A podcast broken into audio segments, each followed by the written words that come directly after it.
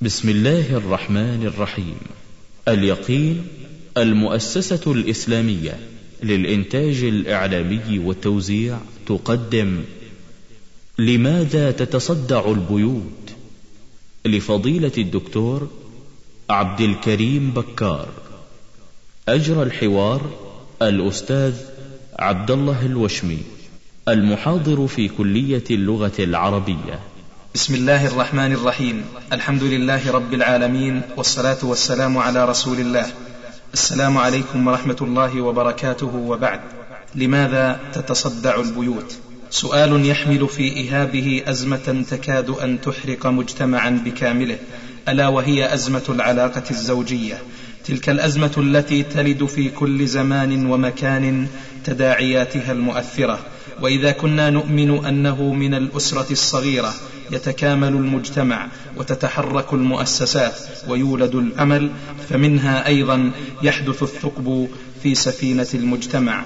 يا ترى ما الذي هو متن وما الذي يقع هامشا عندما نقول الحياة الزوجية؟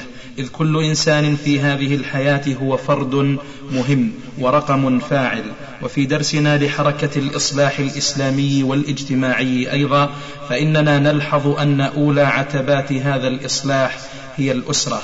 وإذا كان غيرنا ربما تجاهل هذه المشكلة مع وجودها أو حنى رأسه لكي تمر عاصفتها فإننا نعتقد أن كلا الأسلوبين مجحف والأولى هو مواجهتها بالحل والبحث العلمي. نحن وإياكم في هذا اللقاء على موعد مع حوار يجتهد في تحليل المشكلة والبحث عن منعطفاتها ما أمكنه الجهد. وضيفنا هنا هو الأستاذ الدكتور عبد الكريم بكار المفكر الإسلامي والكاتب المعروف.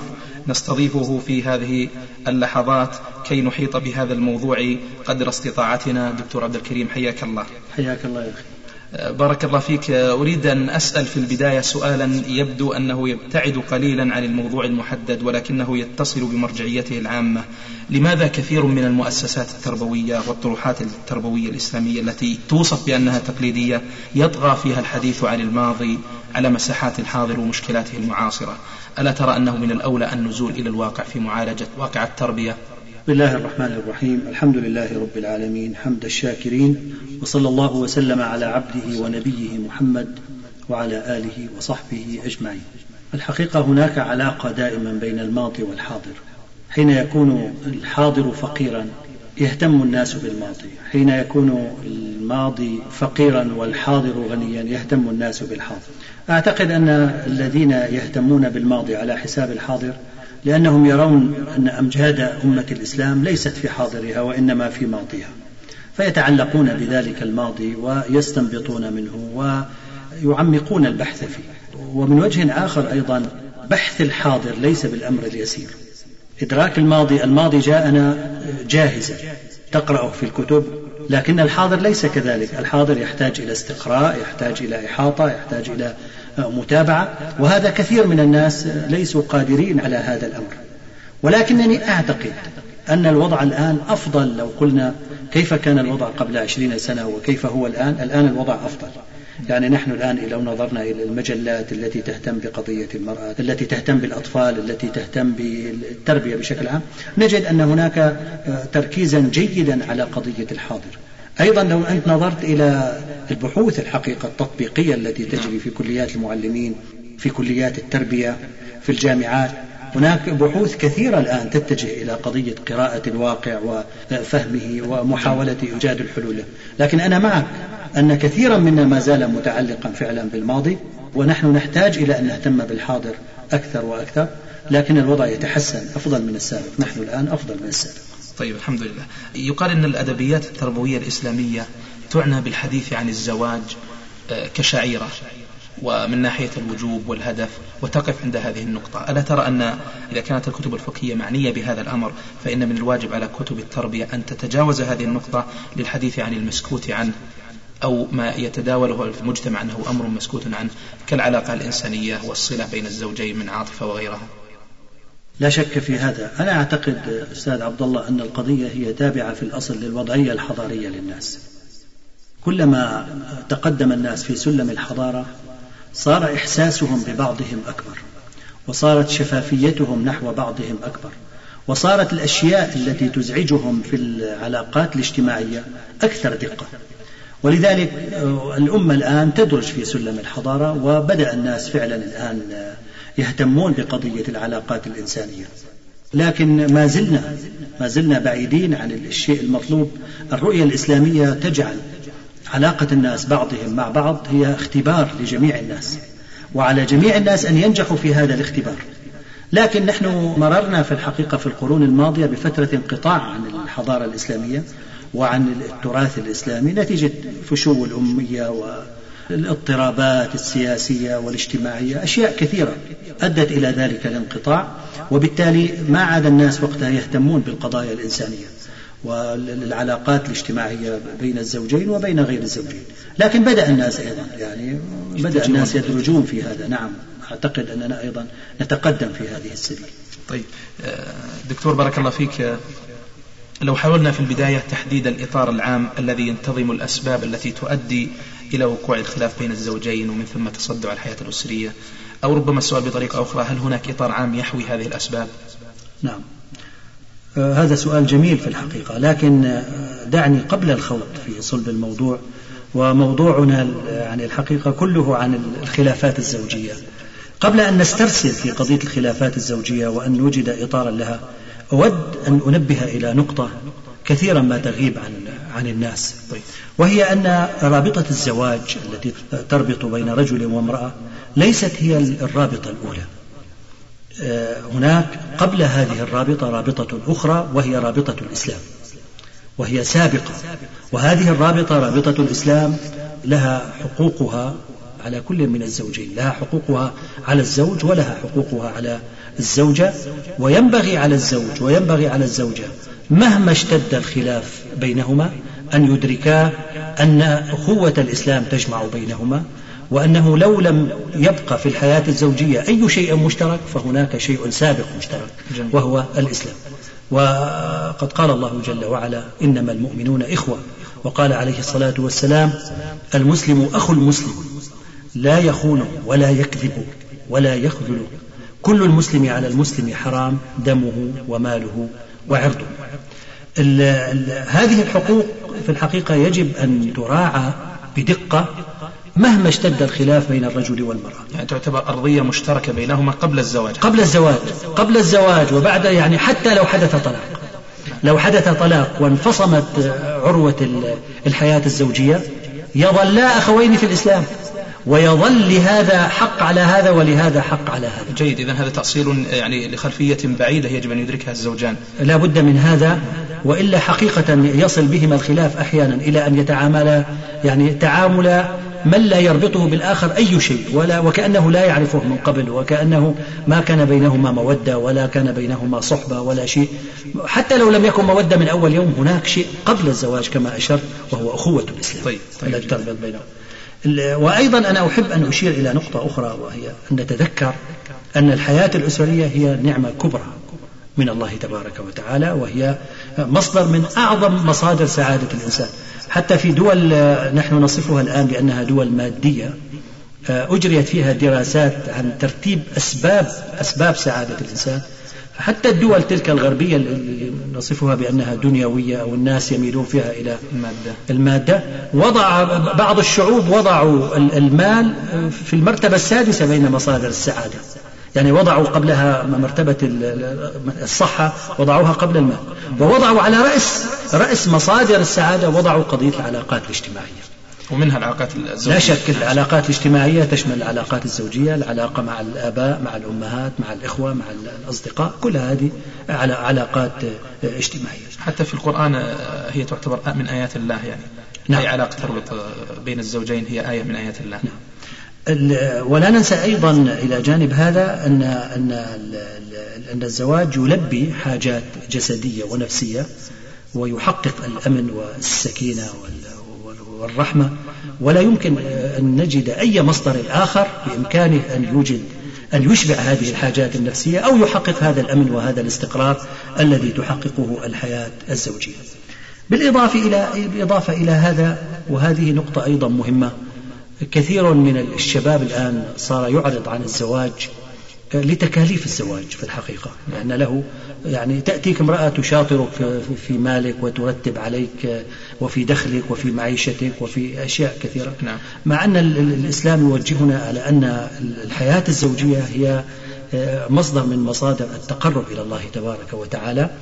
قد أخرج مسلم من قوله صلى الله عليه وسلم دينار تنفقه على أهلك ودينار تنفقه على مسكين ودينار تنفقه في سبيل الله أعظمها أجرا الدينار الذي تنفقه على أهلك. طيب. فما ينفقه الرجل على أهله إذا أخلص النية واحتسب هو هو صدقة هو صدقة له وباب عظيم من من الأجر. لا أريد أن أتوسع في هذا الحقيقة يعني من عن عن طريق الزواج. يكون هناك أبناء ويكون هناك بنات ويكون هناك نسأ في في ذكر الإنسان ويعني قضايا معروفة فأنا أود أن أن ننتبه إلى هذا أنه مهما تصاعد الخلاف هناك أشياء توفرها الحياة الزوجية ونعمة كبرى توفرها الحياة الزوجية. إذا هذه أطر تجمع بين الزوجين. هذا شيء نعم يجمع بين الزوجين. وتؤدي إلى السعادة الزوجية. آه، فلو بدأنا الآن بالأطر الأخرى آه، التي تؤدي أو تحوي أسباب الخلاف بين الزوجين. نعم. لو أردنا أن آه، ننظر للأسباب الجوهرية. الأسباب الجوهرية الكبرى التي تؤدي إلى الخلاف نعم. إلى الخلاف بين الزوجين. أقول الحقيقة هي كثيرة من أهمها اختلاف الطبيعة البشرية بين الرجل والمرأة بالإضافة إلى سوء اختيار الزوجة أو عدم وجود نوع من التلاؤم بين وضعية الزوج ووضعية الزوجة. أيضا سوء خلق أحد الزوجين قد يكون أحد الزوجين أخلاقه جيدة وجميلة لكن الآخر أخلاقه سيئة. هذا طبعا سيؤدي إلى إلى تزعزع الحياة الزوجية وإلى تصدعها. مرور أحد الزوجين أو مرور الزوجين معا بظروف خاصة بظروف صعبة بظروف آه، طارئة نعم. يعني من مرض من من تراكم دين من آه، فقد عزيز من أشياء يعني تطرأ على حياة الإنسان يشعر أن حياته غير طبيعية وهذا ينعكس على علاقته آه، مع مع زوجته وينعكس على علاقتها أيضا مع آه، مع زوجها. من القضايا الجوهرية أيضا في هذا أو الأسباب الجوهرية في هذا اختلاف خبرة كل من الرجل والمرأة في قضايا الحياة. المرأة خبرتها داخل المنزل، خبرة الرجل خارج المنزل. ولذلك حين يبحثان أية قضية من القضايا هما يصدران عن خبرتين مختلفتين. يعني كيف لو الآن جئنا إلى قضية ليناقشها طبيب ومهندس مثلا أو يناقشها تاجر مثلا ومدرس. إذا بارك الله فيك حتى إذا كانت المرأة تعمل فإنها تبقى آه، ذات خبرة تختلف عن خبرة الرجل. تختلف عن نعم هي يعني طبعا لا يقصد بالخبرة فقط الخبرة المنزلية ربما تكون عاملة لكن آه، لها مجال يختلف عن مجال الرجل وبالتالي الخبرة تختلف. لا شك. طيب. حتى لو كانت عاملة ربما تكون تعمل في مجال غير الذي يعمل فيه زوجها. نعم. إذا هي تكون أيضا خبرة. آه، دكتور بارك الله فيك هذا عرض جيد واستعراض عام طيب. لو حاولنا أن نبدأ بموضوع الخلاف الأول في الذي في النقاط التي ذكرتها وهو الطبيعة العقلية والنفسية والجسمية. التي يتمتع بها الرجل عن المرأة في طبيعتهم التي آه، خلقهم الله عليه. آه، هل هناك فارق بين الزوجين من الناحية البيولوجية كما يقال السلوكية؟ وهل أحدهما ربما يكون سبب في الآخر أي الاختلاف في الناحية البيولوجية سبب في الاختلاف آه، في الناحية السلوكية؟ نعم الحقيقة أشار عدد من النصوص إلى وجود الاختلاف بين الرجل والمرأة. يعني هناك خلاف منظور بين الرجل والمرأة من الناحية التشريحية يعني نعم. هذا ذكر وهذه أنثى. لكن هناك أيضا خلافات واختلافات أحيانا غير منظورة. وهذه أشارت هذه الاختلافات أشارت إليها بعض النصوص. منها قوله عليه الصلاة والسلام استوصوا بالنساء خيرا فإن المرأة خلقت من ضلع وإن أعوج ما في الضلع أعلاه فإن ذهبت تقيمه كسرته وإن تركته لم يزل أعوج. فاستوصوا بالنساء خيرا. ورد أيضا في في حديث الصحيحين المرأة كالضلع إن أقمتها كسرتها وإن استمتعت بها استمتعت بها وفيها عوج. في في رواية أخرى إن المرأة خلقت من ضلع لن تستقيم لك على طريقة. ونضع لنضع خطا تحت هذه العبارة. لن تستقيم لك على طريقة. فإن استمتعت بها وفيها عوج وإن ذهبت تقيمها كسرتها وكسرها طلاقها. هذا النص يعني برواياته المختلفة أرجو في البداية ألا يفهم أنه هو تنقيص من حق المرأة يعني طيب لأن هذه نقطة مهمة نعم. ربما يعني آه، بعيدا عن دعاة مساواة أو غيرهم ربما يطرح هذا السؤال هل هذه الأحاديث وهل التربويون الإسلاميون عندما يعني يقدمون هذه الأحاديث يهدفون إلى تنقيص حق المرأة؟ ثم نأتي إلى مرحلة أخرى يسوق بعض بعض أصحاب الدعوات يقال أن التربية الإسلامية قائمة على مفارقة بين الطرفين. لو نظرنا في الأحاديث لوجدنا أنها دائما هي خطاب للرجال لأنهم دائما كانوا يصاحبونه عليه الصلاة والسلام في المسجد وفي الأسفار وفي كل مكان. وهذا دائما معه فالخطاب دائما موجه إليه. أنا أتصور لو كان الخطاب موجها للمرأة أنا أتصور أنه عليه الصلاة والسلام يمكن أن يقول لن يستقيم لك على طريقة أي لن يكون كما تحبين جميل وهذا فهم أتصور أنه متقدم جدا حتى على بعض دعاة يعني آه، نعم أنا أنا أرى أن الرؤية الإسلامية لا تجعل من الرجل آه، مركزا ومن المرأة هامشا ولا تجعل من المرأة مركزا ومن الرجل هامشا طيب. كل منهما محور له وظيفته وله طبيعته وله تطلعاته. ولذلك من المهم ألا ألا ينظر الرجل إلى إلى المرأة بمقاييسه الخاصة وألا تنظر المرأة إلى الرجل بمقاييسها الخاصة. فهذا الحقيقة ليس تنقيصا من حق المرأة أنها خلقت من ضلع وأنها لن تستقيم لك. هو أيضا لن يستقيم لها. يعني لن تأتي المرأة التي تجد الزوج الذي يناسبها مئة في المئة. لن, لن يكون هذا. طيب إذا آه، هذا آه، كلامك بارك الله فيك. يستدعي يعني إعادة يعني آه، بلورة لعقلية بعض الرجال الذين يرون أن هذه الأحاديث يعني سند لهم في ممارسة نوع من التجبر إن شئنا أن نقول. لم يكن هذا الحديث يعني دالا على هذا الأمر. لا شك أخي الكريم أن القضية يجب أن تؤخذ من نصوص كثيرة ومن مواقف كثيرة في حياة النبي عليه الصلاة والسلام وفي سلوك الصحابة وفي سلوك السلف الصالح. المسألة لما نأتي إلى الحياة الزوجية هناك طبيعتان مختلفتان. هذه طبيعة لا ليست كلها محاسن وهذه طبيعة أيضا للمرأة ليست كلها محاسن هذه طبيعة فيها آه، شيء من القصور وهذه فيها شيء من القصور. هذه صوابها احتمالي وهذه صوابها احتمالي. فلا يذهب الزوج آه، بالحق كله ولا تذهب المرأة بالحق كله. حينما يختلفان آه، سيكون الصواب مع هذا أو مع ذاك. يعني في تصوري من حيث الجوهر على على ما يشبه المساواة. وليس الرجل يخطئ مع الزوجة أكثر من المرأة أو المرأة تخطئ مع الرجل أكثر مما يخطئ معها. جميل. فلا بد أنا في تصوري أن من المطلوب دائما أن يبدي الرجل المزيد من التفهم لطبيعة المرأة لمشاعرها لطريقتها في التفكير لوضعها العام. وهي أيضا تجتهد في هذا. تجتهد أن تفهم كيف يفكر الرجال ومنهم زوجها. ممكن نستند عفوا يا دكتور هذه نقطة أيضا مهمة لكن في التعليق على الأحاديث هل يمكن نستند على حديث شريف آخر؟ آه إنما النساء شقائق الرجال. نعم. قوله عليه الصلاة والسلام النساء شقائق الرجال يفيد أن الأصل أن المرأة مثل الرجل في كثير من الأحكام والقضايا أو في معظم أو في كل ما لم يأتي هناك تنصيص خاص. يعني قضية مثلا القوامة جاء فيها نص أنها للرجل على على المرأة. لكن في الكرامة الإنسانية في حق كل واحد منهما على الآخر أن يحلم عليه أن يصبر عليه أن يحسن إليه أن يتفهم وضعه أن بل بل بعض يعني مثلا في قوله تعالى وللرجال عليهن درجة. نعم. وقفت على فهم رائع و, و لابن عباس رضي الله تعالى عنه وعن أبيه.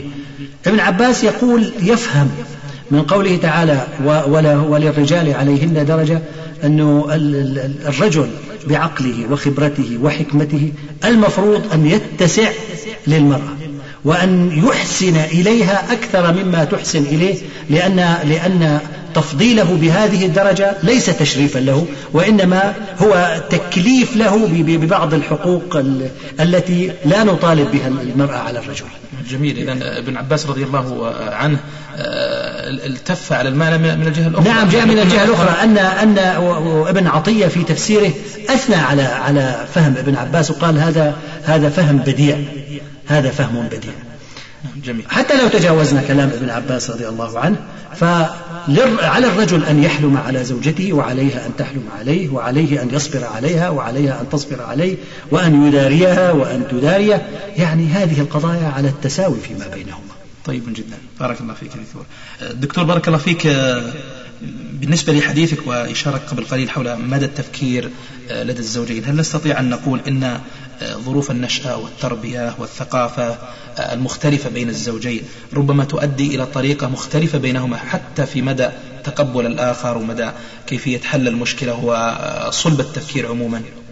نعم لا شك أن الخلاف بين الرجل والمرأة هو على أكثر من مستوى وفي أكثر من حقل يعني هناك خلاف على المستوى الجسمي التشريحي نعم. هناك خلاف على المستوى الوراثي كل منهما ورث من أبويه ومن أجداده بعض الصفات النفسية والعقلية المختلفة وهناك خلاف على مستوى طبيعة التفكير لدى الرجل وطبيعة التفكير لدى المرأة بالإضافة إلى اختلاف اختلاف الخبرة أيضا كما أشرت قبل قليل اختلاف خبرة الرجل عن خبرة المرأة دعنا نأخذها واحدة واحدة. بالنسبة للخلافات الوراثية فهذه حقيقة واضحة وهي موضع إجماع. ما, ما ورثه الرجل عن آبائه وأجداده مختلف تماما أو كثيرا أو قليلا عما ورثته المرأة عن آبائها وعن أجدادها. فالقضية الوراثية إذن هي عامل مهم في تباين تفكير المرأة عن آه، تفكير الرجل. نستطيع إذا دكتور أن نقول أن الخلاف على المستوى العقلي والشعوري والنفسي والسلوكي عموما آه، لا يختلف أيضا عن عن الخلاف على مستوى الجسم من ناحية ما نرث من الآباء. نعم.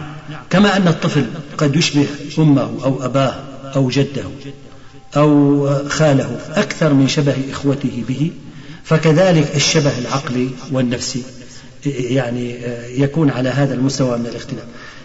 لو جئنا إلى المستوى التشريحي أو الخلاف العضوي بين الرجل والمرأة فالخلاف بينهما في الحقيقة أدى على نحو واضح إلى أن يعني تختلف وظائفهما في الحياة. المرأة كونها أعدت لتحمل ولتلد ولترضع هذا اقتضى أن تعيش في البيت. صحيح. وأن تكون وظيفتها الأساسية في تنشئة الأطفال وتربيتهم والقيام بتكاليف الحياة الأسرية في الداخل. وهي وظيفة عظيمة. وهي وظيفة عظيمة وجليلة وأساسية لدى كل الأمم وبالإجماع. طيب. هذه الوظيفة لدى المرأة دفعت بالرجل إلى أن تكون وظيفته الأساسية في الحياة خارج المنزل. للتكامل. للتكامل. بما أنهما يشكلان أسرة واحدة ووضعية واحدة فبمجرد أن حددت وظيفة المرأة وهي القيام كما قلنا بالشؤون الأسرية في داخل المنزل بمجرد ما حدد حددت هذه الوظيفة حددت أيضا وظيفة الرجل وصارت ال ال وظيفته الأساسية هي كسب الرزق وأيضا إلى جانب حماية الأسرة وإلى جانب التوجيه العام الذي يمارسه الرجل لزوجته ولأولاده. إجابتك هنا يعني ربما تلد يعني سؤالا آخر وهو هل الخلاف بين الذكور والإناث متوقف على الخلاف الجسمي أو ربما يكون هناك خلافات أخرى. يعني هناك خلاف رئيسي أولا وهو أن هذا ذكر وهذه أنثى وهذا خلاف معروف. لكن هناك خلافات فرعية أيضا على المستوى الجسمي بين الرجل والمرأة. يعني مثلا وهي قضايا ليست ليست أساسية ولكنها تسبب بعض المشكلات للحياة الزوجية. يعني وربما تكشف لنا آه، سبب لبعض المشاكل. نعم. يعني على سبيل المثال الرجل جلد الرجل أثخن من جلد المرأة. هذا يعني أن التجاعيد على وجه المرأة تظهر في وقت آه، مبكر. قبل قبل ظهور التجاعيد على وجه الرجل. وهذا يدفع آه، كثيرا من الرجال إلى أن يشعر أن زوجته قد شاخت وقد تقدمت في آه، السن ويبدأ يبحث عن الأخرى. آه، وهي ترى أنها أصغر سنا منه يعني ليس ليس محقا في في ذلك. أيضا العظام عند المرأة أصغر حجما في الحقيقة وهذا يجعل أثناء المشي خطوات المرأة أقصر من من من خطوات الرجل. لذلك حين يمشي رجل وامرأة في السوق آه، تلاحظ غالبا أن المرأة تمشي آه، خلف الرجل أحيانا بمسافات طويلة. طبعا هذا لا يشكل مشكلة آه، في الأصل. لكن المرأة إذا تراكم في خبرتها أن زوجها لا يحب أن يعرف الناس أنها زوجته. فتفسر هذا التباعد في المشي بينه وبينها أنه هو عبارة التباعد الطبيعي. نعم. يعني أنه التباعد الطبيعي أو أحيانا غير الطبيعي. أحيانا بعض الرجال يحب أن يمشوا بسرعة. نعم جيد. حتى هو لو لم يمشي بسرعة في الحقيقة غالبا هو يقطع مسافة أكبر من المسافة التي تقطعها تقطعها المرأة. فإذا تراكم في خبرة المرأة من بعض المواقف أن زوجها لا يرغب في أن تظهر آه، زوجته أو أن تعرف بأنها زوجته آه، تفسر هذه المسافة بينها وبينه على أنه لا يريد لا يريد أن يعرف الناس أن أنها أنها زوجته. وتفسر هذا أيضا على أنه نقص في الكفاءة بينها وبينه. وهذه أنا قضية يعني لمستها في في حياة كثير من الناس في الحقيقة. لكن أظل أقول أن هذه قضية يعني ليست قضية كبيرة ولكن أن, أن نسلط الضوء عليها وأن نعيها بشكل جيد وأن نحاول التخفيف من آثارها وأن نحاول مراعاتها هذا شيء جيد في في تصوري. هي هي يعني اختلاف يعني طبيعي يكشف لنا بعض المشاكل التي تحدث لكن أرجو أنه يعني يكون واضحا آه، يعني للمستمع الكريم أنها ليست دعوة آه، للمرأة أن تسرع يعني حتى تقضي على هذه العقدة وإنما دعوة للرجل أن يتأنى لأن مشي المرأة بتوادة هو نوع من آه، من الحياء المطلوب. لا شك لا شك. ولذلك الخطاب هنا يعني سيكون موجها إلى الرجل. نعم طيب. لئلا يسرع في المشي ويترك مسافة كبيرة تضطر هذه المسافة زوجته إلى أن تسرع أو إلى أن تسيء الظن به من أنه يعني لا يرغب في أن تعرف بأنها زوجته. أنت أشرت إلى نقطة يا دكتورة مهمة. تشتكي بعض الزوجات من أن الرجل ربما لا يعنى بها حتى على مستوى الاسم لا يريد أن يذكر اسم المرأة. حتى على مستوى المجاورة لا يريد أن تكون بجواره. يريد أن يتقدم آه، وهي متأخرة. يريد أن يدخل إلى السوق وهي في الخارج أو تدخل إلى السوق وهو ينتظر. أعتقد أن هذه هذه ليست من تعاليم الإسلام. هذه مما تراكم في عادات الناس وفي تقاليدهم من الأجيال السابقة ولا تمت إلى تعاليم الإسلام بصلة. آه، زوجات النبي عليه الصلاة والسلام ذكرنا في الأحاديث الشريفة وفي المغازي وفي السير وفي آه، يعني في مختلف المناسبات ذكرنا بأسمائهن. ولو أن هذا كان يعني ينقص من قدر المرأة أو فيه شيء شيء معيب لما لما فعل ذلك النبي عليه الصلاة والسلام ولما فعل ذلك الصحابة رضوان الله عليهم. نعم. وأنا أعجب آه، كيف يجلس الرجل في السيارة ويترك زوجته تتنقل وحدها آه، في السوق فيطمع فيها الطامعون أو تعرض نفسها وتعرض غيرها للفتنة. الحقيقة العيب هو ما يفعل وهو أن يترك زوجته تتحرك وحدها وهو يجلس في السوق. وليس العيب أن يمشي إلى جانبها أو تمشي إلى إلى جانبها عندما تكون تكون هناك حاجة للخروج إلى السوق. نعم. بعضهم يعني عجزا لا ينزل مع المرأة أو مثلا تهربا من المسؤولية. لكن أنا وإياك نتحدث عن نقطة أهم وهي عندما يبتعد الرجل عن المرأة لأنه يرى أنها في درجة أقل وبالتالي تتوارث الذاكرة الشعبية. عبارات كان يقول الرجل زوجتي ثم يستدعي كلمة مثل أكرمك الله أو غير ذلك. أستغرب أنا الحقيقة أن أن يفعل إنسان مسلم فيه صلاح أن يفعل هذا. يعني رجل صالح أن إذا ذكر اسم زوجته أن يقول أكرمك الله ويفعل هذا. أنا أستغرب الحقيقة هذا. لأن هذا يجافي تماما تعاليم الإسلام. خيركم خيركم لأهله وأنا خيركم لأهلي. فالنبي عليه الصلاة والسلام كان خير الناس لأهله. و و ويحث المسلمين أن يكونوا أخيارا مع أهلهم. وهذا ينافي الخيرية بكل المقاييس وبكل الأبعاد.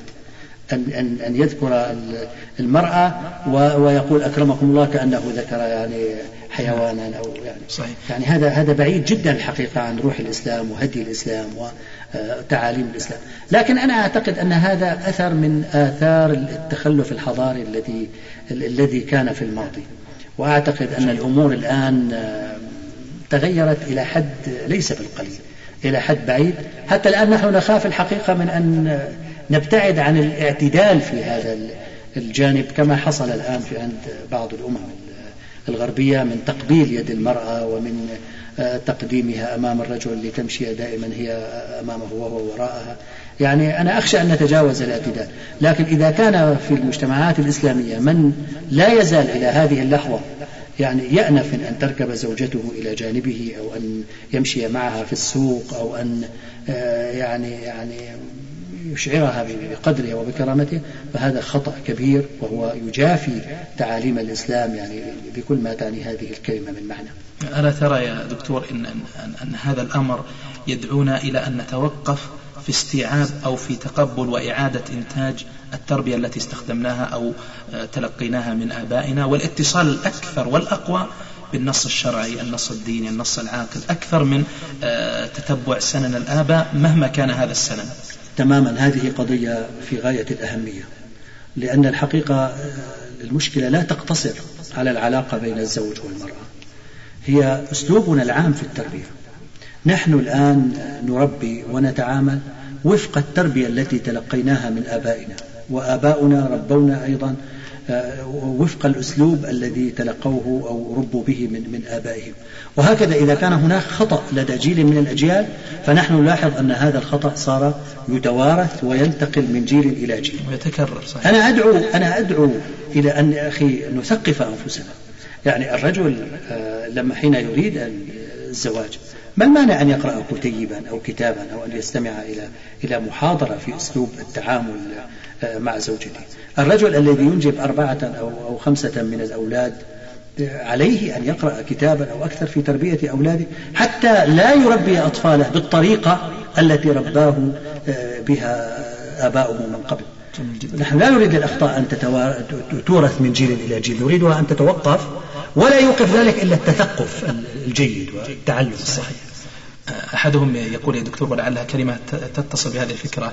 أننا ندفع الآلاف لكي نتزوج لكن لا ندفع الريالات والعشرات لكي نتثقف كيف نتعامل مع هذه الزوجة. ندفع العشرات لكي نقوم بتهذيب شعور الزوجة أو الإبن.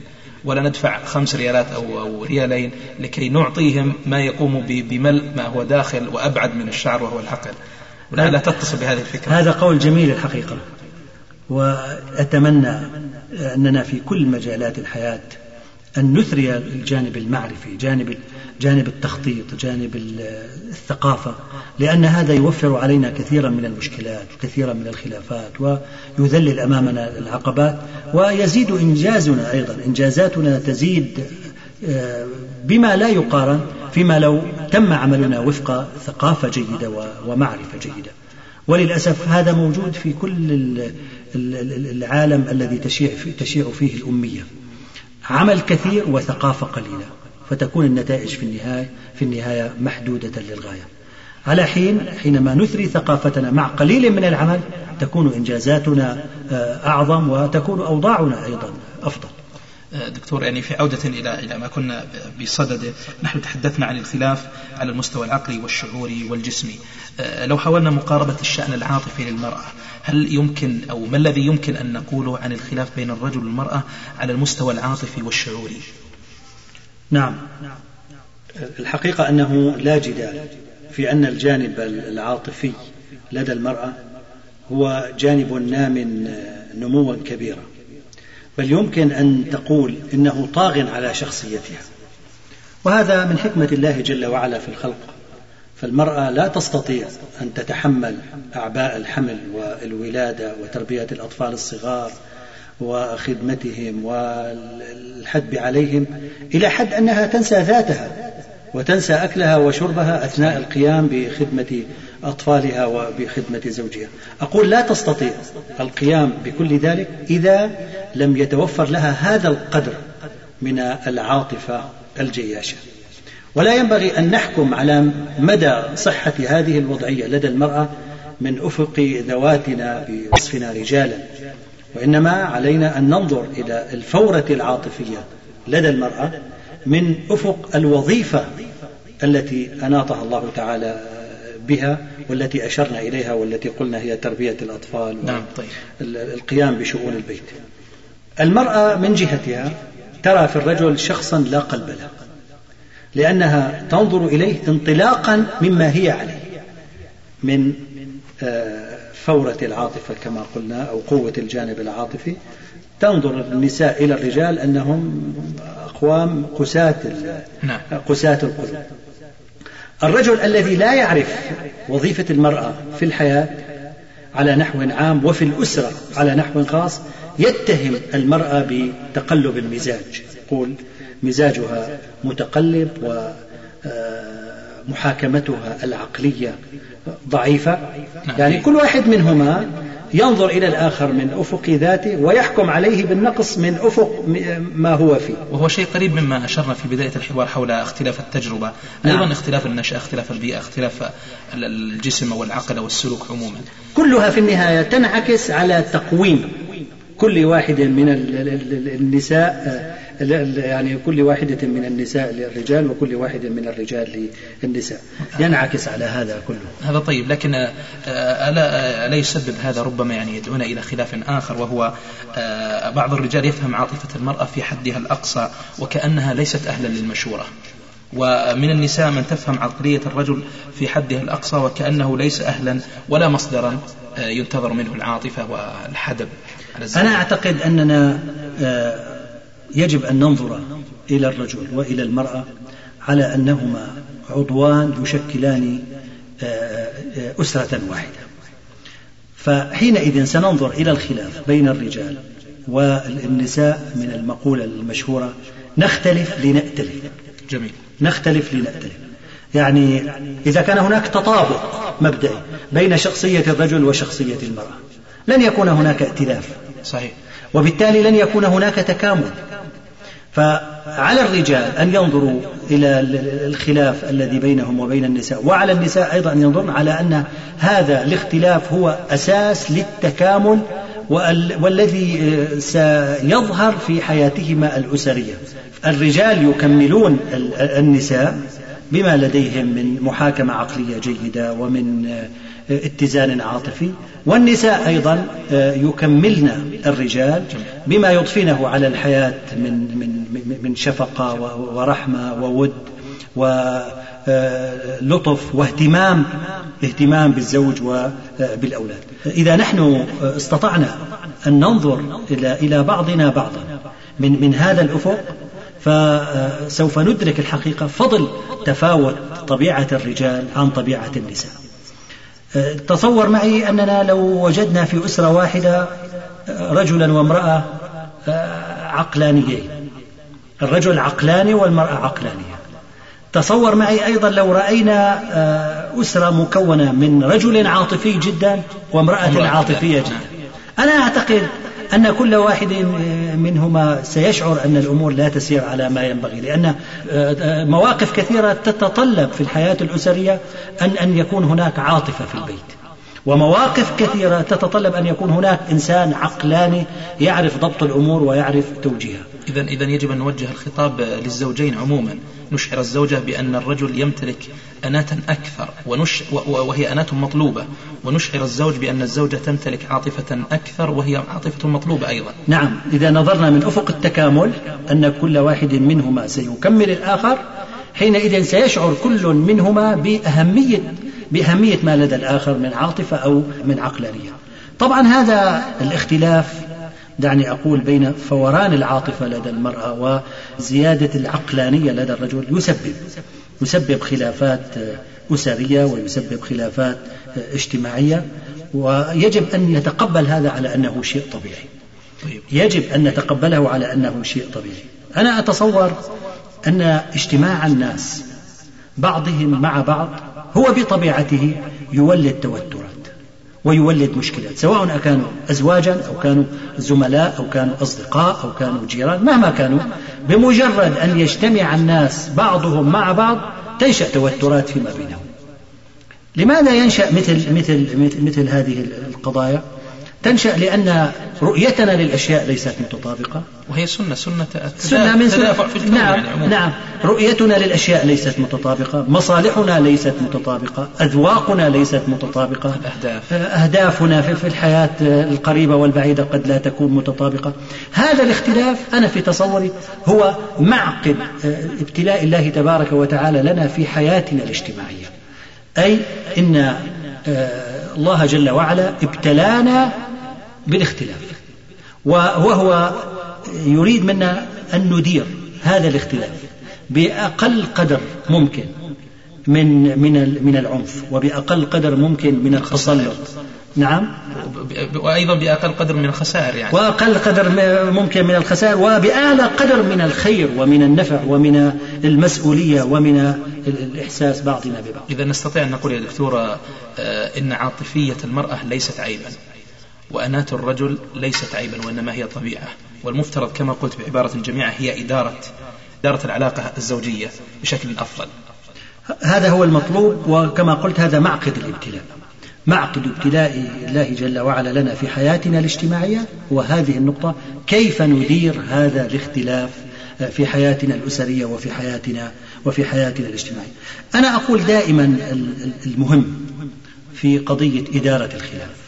المهم في قضية إدارة الخلاف أن يتذكر الرجل وأن تتذكر المرأة أنهما على صعيد التفاصيل على صعيد الأسس هما يعني آه، آه، بشر وهما من بني الإنسان وهما مسلمان وهما يعني لكن على صعيد التفاصيل الشخصية هما ينتميان إلى عالمين مختلفين عالم المرأة حتى الآن صار يعني أشياء كثيرة يقال عالم الرجل وعالم المرأة. حقيقة أنا أقول على مستوى التفاصيل الشخصية هناك للنساء عالم وهناك للرجال أيضا عالم آخر.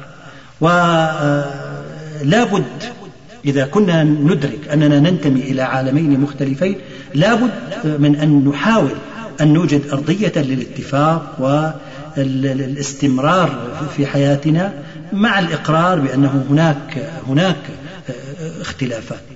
يعني كما يقال التنوع في إطار الوحدة. جميل. التنوع في إطار الوحدة. الخلافات بين الرجال والنساء مؤطرة بمبادئ الإسلام بالطبيعة العامة للإنسان بتشوقات الإنسان وبأهدافه. لكن على مستوى التفاصيل هناك تنوع ليس بالقليل. وهذا التنوع كما كما أشرت قبل قليل المقصود منه هو التكامل. لأن كل منهما سيسهم في بناء في بناء أسرة.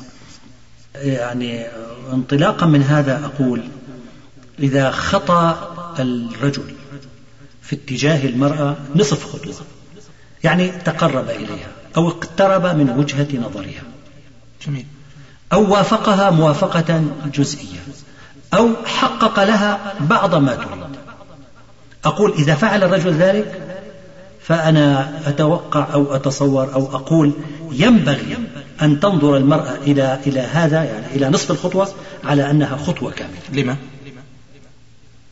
دعني أقول وإذا حتى ما حتى لو أن المرأة أيضا من وجه من وجه طيب. آخر لو أن المرأة خطأ في اتجاه زوجها نصف خطوة آه، على الشرح الذي ذكرته فعليه أيضا هو أن أن ينظر إلى إلى إلى نصف الخطوة هذه على أنها خطوة كاملة. طيب إذا هناك مساواة بينهما. نعم هناك مساواة. لماذا لماذا يعني هل هل نقول لأن الخطوة الكاملة غير ممكنة؟ نعتبر نصف الخطوة خطوة لأن الخطوة الكاملة غير ممكنة أقول نعم.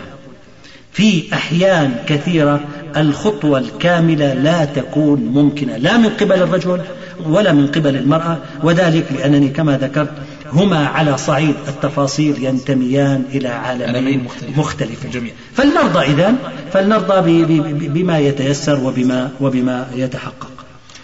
لكن ألا يمكن أن ينشأ سؤال حول هذه الفكرة؟ ما دمنا نعتبر نصف الخطوة خطوة كاملة. ربما يكون هذا الاتفاق قائم على أسباب غير موضوعية إذا حينما يتفق الرجل والمرأة اتفاقا كاملا فأنا أقول إما أن يكون اتفاقا قصير الأمد يعني ينقض بعد فترة نعم. أو أقول هو اتفاق شكلي اتفاق ظاهري. طبيعة الرجل وطبيعة المرأة تقتضي باستمرار أن يوجد هناك نوع نوع من الاختلاف. قد يقول قائل طيب لماذا يتفقان اتفاقا شكليا؟ يعني أحيانا أحيانا المرأة آه، توافق زوجها على أمر من الأمور موافقة تامة. نعم. ولا تكون موافقتها حقيقية لأن وإنما منحته هذه الموافقة لأنها تريد منه شيئا أو هو وافقها في رأي لها لأنه يريد منها آه، شيئا فهو يوافقها لشيء غير موضوعي وهي أيضا توافقه لشيء لشيء غير آه، غير موضوعي. ألا يمكن أن يقال أن هذا نوع من الانحناء أمام العاصفة فقط؟ أحيانا الحكمة تدفع إلى هذا. يعني حكمة المرأة أحيانا لما تجد أن الخلاف سيسبب لها مشكلة. مع زوجها. نعم. توافق. وأحيانا هو الرجل أيضا نفس الشيء. يشعر أن إذا كان الخلاف والمناقشة مع زوجته ستسبب له مشكلة أيضا أحيانا. وهذا هو أنا الذي أشرت إليه أنه اتفاق شكلي يعني اتفاق ظاهري أو, أو, أو غير موضوعي. إذا نحن ننظر إلى نصف الخطوة. باعتبارها خطوة كاملة مع أننا لا ننكر وجود آه، يعني أو كأني أفهم من كلامك أن لا ننكر أن وجود الاختلاف بل إنه شيء طبيعي في الحياة الزوجية أن يوجد اختلاف بين الزوجين. لأنه شيء طبيعي فأنا أقول آمل أن ننظر إلى نصف الخطوة على أنها خطوة خطوة كاملة. يظهر يعني سؤال آخر حول هذه الناحية. آه، من الكلام السابق كأننا يعني نسلم جدلا بأن جميع البيوت الزوجية قائمة آه، على على على الود أو قائمة على الخلاف. لكننا نسمع كثيرا عن بيوت لا يكون فيها أي خلاف. قد تكون قريبة مني أو قريبة منك أو من المستمع أو غيرها أو آه، في ذاكرتنا نختزن عن جد آه، أو جدة أنه كان كان على ما يرام. نعم أولا دعني أقول تختلف نفوس الناس وتختلف عقولهم كما تختلف وجوههم. كيف أن وجوهنا تختلف؟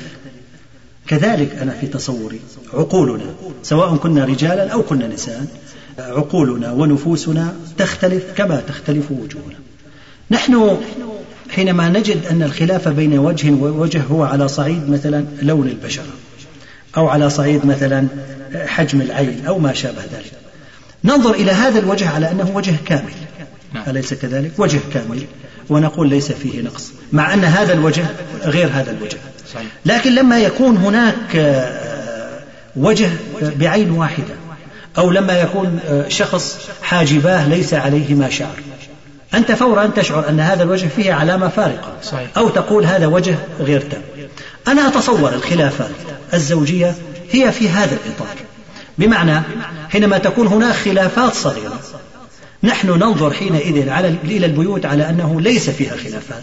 مثل الخلاف الذي رأيناه بين وجه رجل يعني لونه حنطي ورجل يميل إلى إلى السمرة أو يميل إلى البياض. نقول هذا وجه تام وهذا وجه تام. جميل. لماذا؟ لأن الخلاف يسير.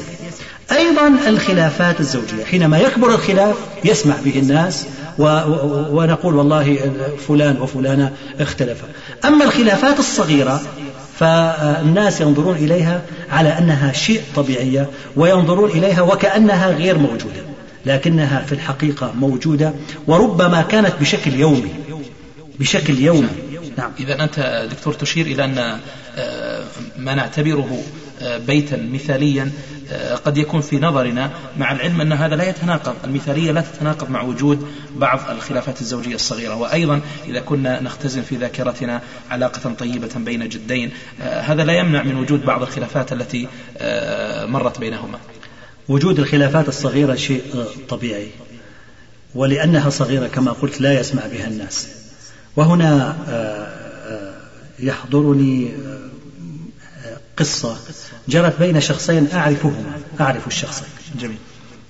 واحد من مشاهير الدعاة خطب ابنة واحد من مشاهير المشايخ المعروفين.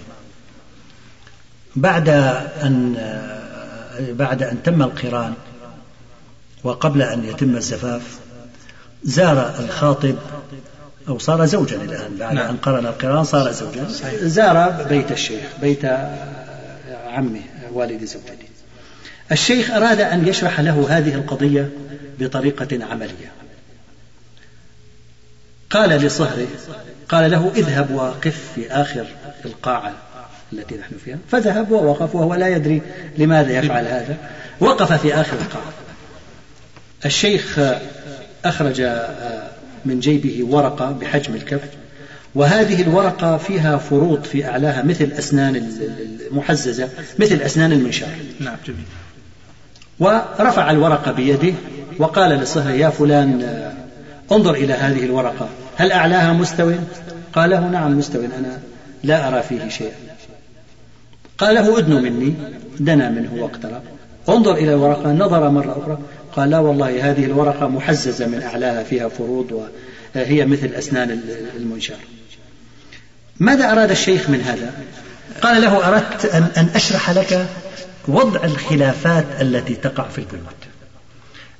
الخلافات الصغيرة التي تقع في البيوت لا يسمع بها الناس.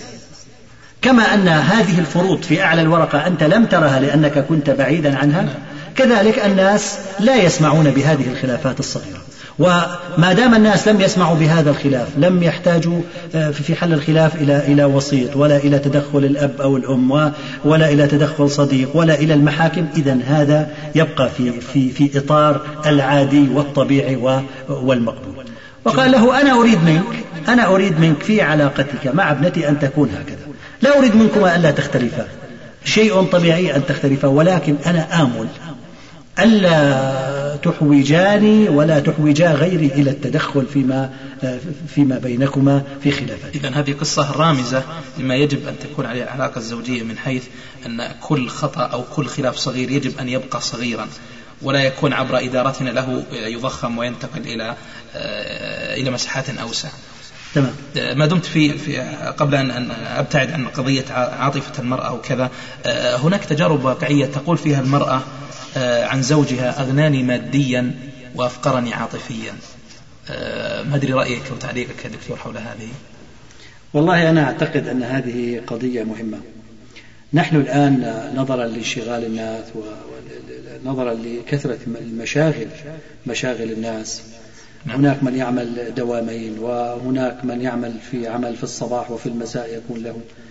آه، صار كثير من الرجال يشعر أن آه، واجبه الأساسي تجاه أهل بيته هو أن يوفر لهم الطعام والشراب وربما يوفر لهم آه، يعني خادما وربما يوفر سائقا وصار هو منشغلا بأعماله بأعماله اليومية الإشباع العاطفي أنا في تصوري لا يقل أهمية عن الإشباع عن الإشباع المادي.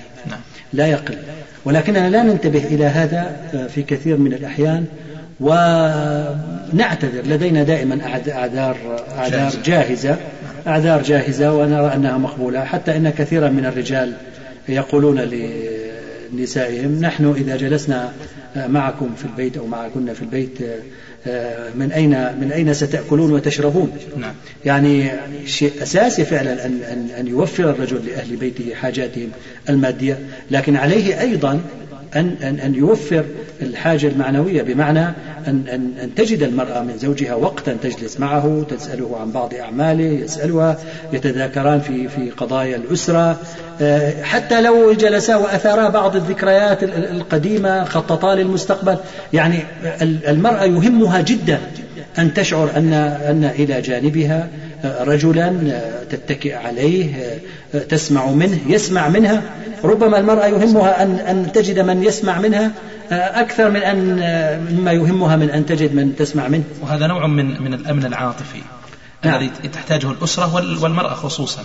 وحتى أنه يقال بقدر ما الإنسان قد ينشغل إلا أن وسائل الاتصالات وتوفرها وسهولتها وتنوعها أيضا يستطيع الإنسان أن يمارس كثيرا من وظائفه آه، حتى على مستويات يعني كبيرة جدا عن طريق الهاتف الجوال الإنترنت آه، الرسائل أليس كذلك؟ الحقيقة هو نعم هذا وهذا يشير إلى نقطة ثانية وهي أن من المهم أن تشعر المرأة أن زوجها آه، مهتم بها الاتصال من العمل كيف حالكم؟ هل أنتم بحاجة إلى شيء؟ يعني آه، متى سيكون الطعام مثلا آه، جاهزا؟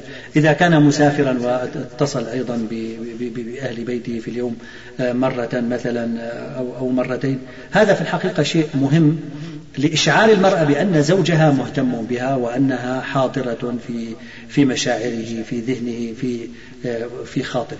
أيضا نحن حتى لا نميل إلى طرف على حساب طرف آخر. يجب أن يشعر الرجل أن زوجته أيضا آه، مهتمة به. صحيح. يعني إذا كان الرجل مثلا يفطر في الصباح فشيء جوهري أن تعد المرأة الفطور وأن تفطر آه، معه. إذا كان الرجل يحب أن يجلس بعض العصر مثلا ليشرب الشاي أو يشرب القهوة أو, أو شيئا من ذلك. من المهم أيضا أن تنتبه المرأة إلى إلى هذا.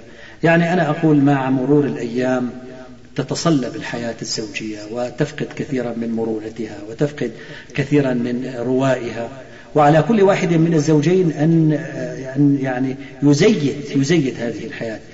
تزييتها مثل ما نزيت نحن المسننات والآلات حتى تستمر بعملها بشكل جيد عليهما أن يزيتا هذه الحياة وتزييتها الأساسي أن تشعر المرأة أن زوجها مهتم بها وأن يشعر الرجل أن زوجته مهتمة به. أحيانا أحيانا يا دكتور بارك الله فيك تكون أو يكون وجود الأولاد سبب لهروب العاطفة. فالمرأة قد تستحي أن تقدم أي نوع من العاطفة صغر أم كبر للرجل.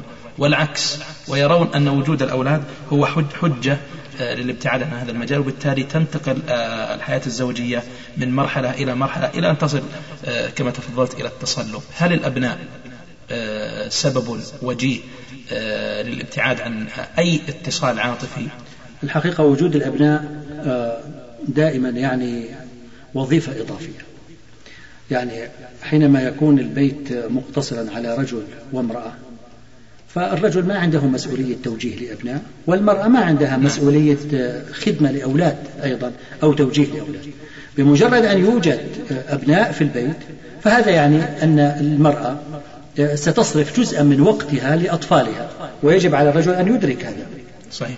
أيضا بمجرد أن يكون تكبر الأسرة على المرأة أن تدرك أن زوجها سوف يصرف جزءا من اهتمامه جزءا من وقته لأطفاله ولتأمين أيضا حاجاته. أنا أعتقد أن الإنسان إذا أدرك أدرك ليس الشكل شكل الحق الآخر عليه. لا يدرك الحق من حيث الشكل وإنما من حيث الجوهر.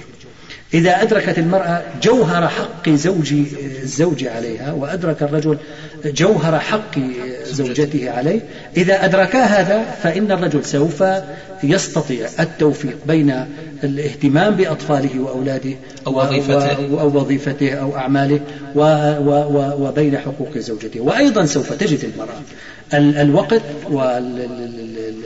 والطاقة التي تحتاجها للتوفيق بين حاجات زوجها وحاجات أطفالها.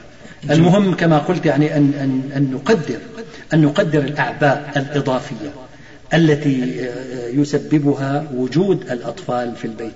أعباء على الرجل وأعباء أيضا على المرأة. وكما يعني ورد في الحديث الشريف يعني إعطاء كل ذي حق حق. كل واحد له حق يحاول الطرف الآخر أن أن يعطي هذا الحق ويقسم يعني بحس بحس العدل وبحس الإنصاف بحس الواجب. جميل. آه، على مستوى الفروقات والخلافات بين الزوجين آه، كنت تحدثت بتحليل جميل حول آه، خلقت من ضلع واستوصوا بالنساء. آه، يختزن الرجل في ذاكرته حديث شريف ناقصات عقل ودين. فلو سألتك بارك الله فيك حول ماذا يمكن أن نقول عن الخلاف بين الزوج والمرأة على المستوى العقلي أو المحاكمة العقلية؟ أنا يعني لا أحب الخوض في تفاصيل تشريحية حول الفرق بين دماغ الرجل و نعم. المرأة لأن هذا لا يهم كثيرا الإخوة المستمعين نعم. لكن هناك في الحقيقة بعض الدراسات وهذا قد يكون مفاجئا لبعض الناس هناك بعض الدراسات التي تثبت آه، تفوق النساء على الرجال في المهارات الشفوية والكلامية وفي قوة الملاحظة في في سعة الأفق أيضا على حين آه، أن استعداد الرجال لإحراز التقدم في تحقيق إنجازات عملية آه، يكون أكبر من استعداد النساء. لكن أنا أعتقد أن هذا لا يشكل جوهر الخلاف بين بين عقلية الرجل وعقلية وعقلية المرأة. الذي يؤسس في تصوري للعديد من نقاط الاختلاف بين الرجل والمرأة على مستوى التصور وعلى مستوى المحاكمة العقلية وعلى مستوى رؤية الأشياء على نحو عام هذا الذي يؤسس هو يتصل بالخبرة بخبرة المرأة وبخبرة نعم. الرجل التي تتكون لدى كل واحد منهما أكثر من أن تتصل بنواحي تشريحية أو بهل حجم دماغ الرجل أكبر أم حجم دماغ المرأة مثلا نعم. فالرجل الذي نتيجة عمله خارج البيت ونتيجة الاهتمام الذي يسيطر عليه آه، يعني هذا يعني آه، يولد لديه نوعا من الحساب الدقيق للنتائج. يولد لديه نوعا من الموازنة بين المخاطر وبين المكاسب. نتيجة نعم نتيجة أنه يعيش في السوق ويعيش في المصنع ويعيش في الدائرة. فتكون رؤيته للأشياء أكثر أكثر شمولية وتكون محاكمته للأشياء أكثر اتزانا. أيضا تماسك الشخصية. تماسك الشخصية لدى الرجل في الغالب هو أفضل من تماسك الشخصية لدى لدى المرأة. طبعا يعني ال المرأة لا تعترف بهذا أو قل لا تعترف بكثير من من هذا وتنظر إلى خبراتها على أنها قريبة من خبراته أو مساوية لخبراتها. الرجل يرى أيضا أن المرأة بسبب سيطرة عاطفتها عليها تستجيب في مواقفها للمشاعر الآنية وللضغوطات الوقتية على نحو سريع جدا. وأعتقد أن هذا يعني ليس ليس بعيدا. تصور معي أستاذ عبد الله لو أن آه، الرجال استجابوا إلى طلبات الطلاق من النساء بشكل فوري. يعني كلما طلبت امرأة من زوجها أن يطلقها طلقها فورا أوقع الطلاق. أنا أتصور لو حصل هذا فستتضاعف حالات الطلاق آه، أظن عشرة أضعاف أو عشرين ضعفا في المجتمع. صحيح. وحتى على مستوى الرجل الطلاق السني لا يكون بثلاث طلقات يعني متتالية. نعم نعم. هذا مراعاة أن حتى لدى الرجل ربما كان بعض الرجال يحملون من العاطفة أو التسرع آه، وقد تكون المرأة تحمل من العقلية لكن هذا أنت تتكلم بوجه عام. لا شك نحن نتكلم ليس على مستوى الأفراد وهذه نقطة مهمة نبهتنا إليها. جزاك الله خيرا. نحن لا نتكلم على مستوى الأفراد. يعني نحن نتكلم على مستوى نوعين نوع الرجال أو لو قلنا جنس الرجال وجنس النساء. جنس الرجال بشكل عام أقرب إلى الأنات و... و... وتماسك الشخصية أكثر من النساء. وإلا إذا جئنا إلى مستوى الأفراد فهناك نساء كثيرات. هن أفضل من أزواجهن على مستوى تماسك الشخصية مستوى المحاكمة العقلية مستوى الإدراك العام للأشياء. هذا هذا موجود و... لكن نحن لكن هذا لا يشكل لا يشكل أكثرية. صحيح. هذا لا يشكل أكثرية في حقيقة الأمر. ومن هنا الشريعة السمحة وضعت قضية الطلاق في في في يد الرجل وليس في يد المرأة لأنه أقدر على التحكم. ومع هذا كما تفضلت الشريعة قيدت الرجل فالطلاق السني يكون عبارة عن ثلاث طلقات ويكون في طهر لم لم يقربها فيه. يعني أيضا أتاح للرجل فرصة لأن يراجع نفسه أكثر وأكثر قبل أن يقدم على اتخاذ هذا القرار. الخطير والذي لا ينبغي أن يلجأ إليه إلا عند الحاجة والضرورة وليس في الحاجة. لعل هذا يدعونا يعني إلى التأني كثيرا في إطلاق أحكامنا على على مسألة يعني الحفاظ على الحياة الزوجية. نجد أن أن الشريعة تحافظ إلى أقصى درجات آه، الإمكان ولا يمكن أن تستعجل في مسألة الطلاق ولذلك يعني ثلاث طلقات كما تفضلت والطهر وغير ذلك.